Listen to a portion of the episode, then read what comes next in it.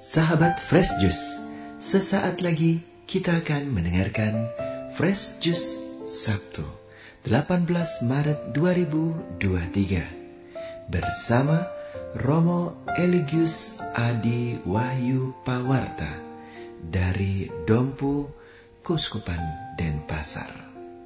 Selamat mendengarkan.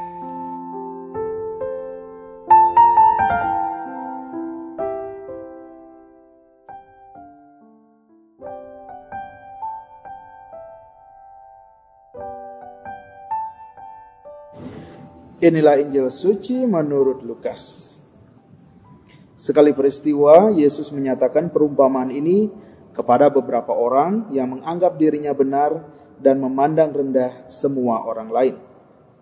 Ada dua orang pergi ke bait Allah untuk berdoa. Yang satu adalah orang Farisi dan yang lain pemungut cukai.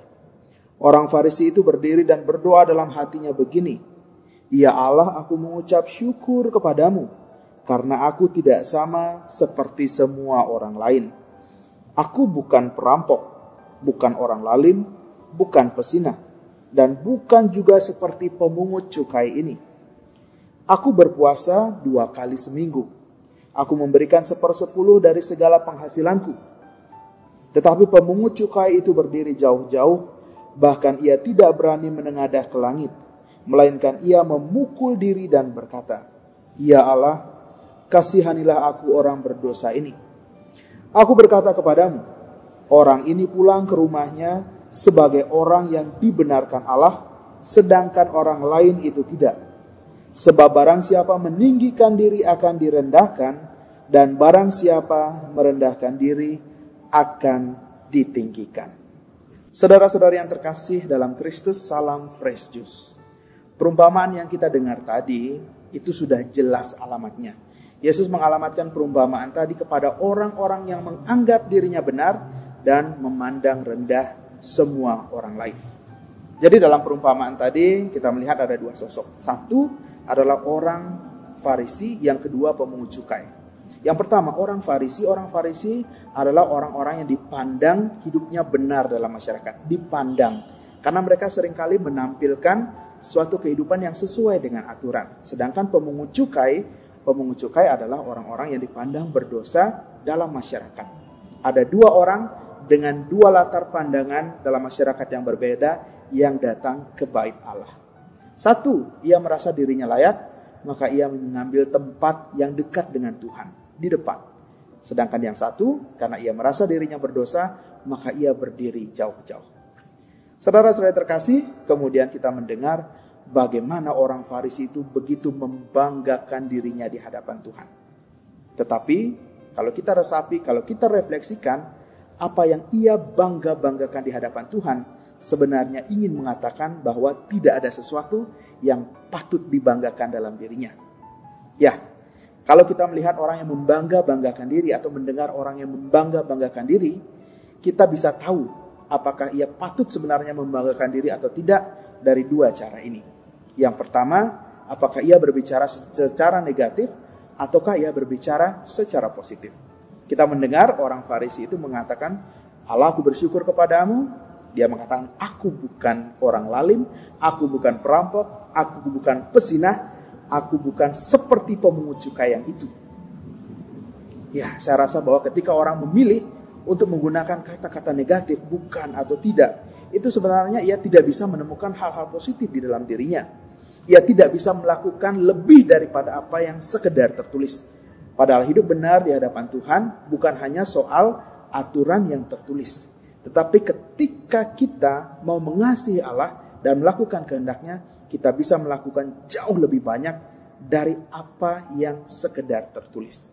Saudara-saudara terkasih, lalu kita bisa melihat dari cara yang kedua, bahwa orang yang membangga-banggakan dirinya di hadapan Tuhan, dengan jalan menjual atau merendahkan orang lain, itu sebenarnya adalah orang-orang yang tidak patut membanggakan diri. Ya, kita tidak akan pernah mendapatkan kemuliaan di hadapan Tuhan dengan jalan merendahkan orang lain sampai kapan pun itu. Karena di hadapan Tuhan kita hanya perlu fokus atau konsentrasi dengan kebaikan diri kita sendiri. Tidak perlu kita merendahkan orang lain agar kita menjadi tinggi di hadapan Tuhan. Lalu saudara-saudara terkasih, apa sih sebenarnya yang orang cari ketika ia membangga-banggakan diri di hadapan Tuhan? Mungkin ada banyak yang ia cari, orang cari. Tetapi satu hal yang bisa kita temukan dalam perumpamaan tadi adalah pujian. Nah, inilah yang membedakan dengan sangat jelas antara orang Farisi dengan orang berdosa itu. Orang Farisi itu datang kepada Tuhan untuk mencari reward atau boleh saya bahasakan ia mencari balas aksi. Artinya dengan datang kepada Tuhan, Tuhan mengganjari dia karena ia sudah berbuat baik dan benar, melengkapi semua aturan yang ada. Sedangkan yang dicari oleh orang berdosa itu adalah belas kasih. Maka hasil dan tujuan-tujuan dan hasil yang dicapai pun akan berbeda. Orang Farisi ini bisa saja pulang dengan suatu kepuasan hati. Karena apa? Karena ia sudah membanggakan dirinya di hadapan Tuhan. Tetapi jangan lupa, membanggakan diri di hadapan Tuhan dengan jalan merendahkan orang lain, mengolok-olok menghakimi orang lain, bisa juga itu menimbulkan suatu kepuasan dalam diri. Jadi bisa saja kepuasan itu, kepuasan yang ia raih, ia dapatkan dengan cara berdosa. Dia berdosa tepat di hadapan Tuhan. Saudara-saudara terkasih dalam Kristus, lalu apa yang dibawa pulang oleh orang berdosa itu?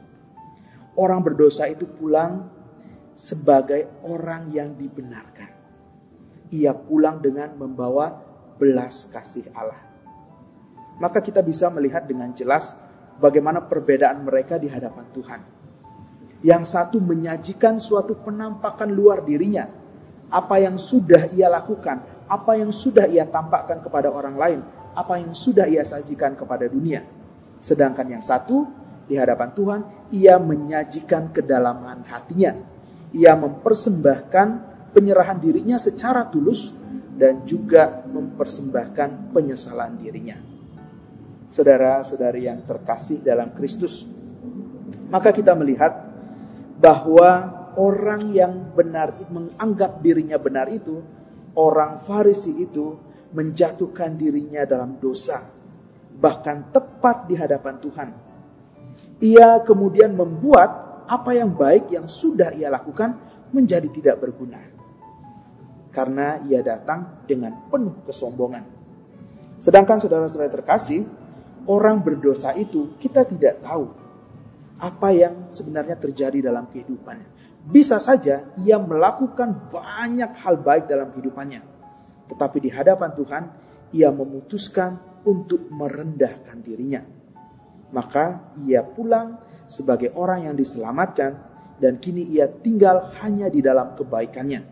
Sedangkan dosa-dosa dan kelemahannya sudah dihapus oleh Tuhan sendiri. Maka saudara-saudara terkasih, orang berdosa ini memilih untuk fokus memohon pengampunan ketimbang mengungkit hal-hal yang ia lakukan. Mengungkit hal-hal baik yang sudah berhasil ia lakukan karena ia percaya bahwa Allah tidak menutup mata. Maka ia pulang sebagai orang yang dibenarkan. Ia melepaskan diri dari dosa dan kemudian utuh tinggal di dalam belas kasih Allah. Maka saudara-saudara yang terkasih dalam Kristus, ketika kita menghadap kepada Tuhan, entahkah kita duduk di depan, entahkah kita duduk di belakang, maka datanglah dengan ketulusan hati. Jika Anda melakukan begitu banyak hal baik di dalam kehidupan Anda, bersyukurlah. Sama seperti yang dilakukan oleh orang Farisi itu, ia mengatakan, Ya Allah, aku mengucap syukur kepadamu. Itu adalah sesuatu hal yang baik. Tetapi jangan melampaui batas itu.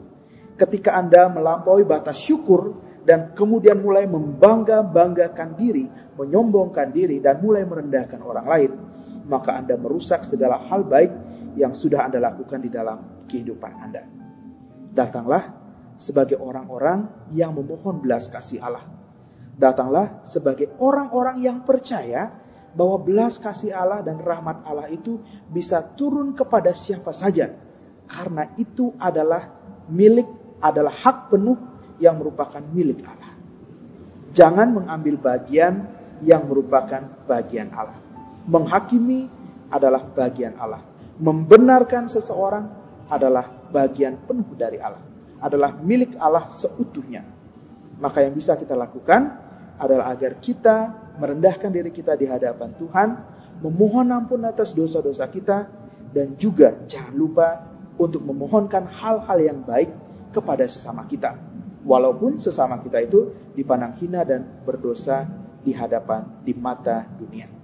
Mari saudara-saudara terkasih dalam Kristus. Mari kita berbelas kasih karena Allah kita itu Allah yang maha belas kasih. Karena dengan cara berbelas kasih kepada sesama itu akan menurunkan lebih banyak lagi belas kasih Allah kepada dunia. Maka mari kita berdiri di hadapan Tuhan, kita rendahkan hati kita dan kita mohon ampun atas segala dosa kita sehingga kita bisa pulang sebagai orang-orang yang dibenarkan. Sahabat Fresh Juice, kita baru saja mendengarkan Fresh Juice Sabtu 18 Maret 2023. Saya Yofi Setiawan beserta segenap tim Fresh Juice mengucapkan terima kasih kepada Romo Eligius Adi Wahyu Pawarta untuk renungannya pada hari ini. Sampai berjumpa kembali dalam Fresh Juice edisi selanjutnya. Tetap semangat, jaga kesehatan, dan salam Fresh Juice.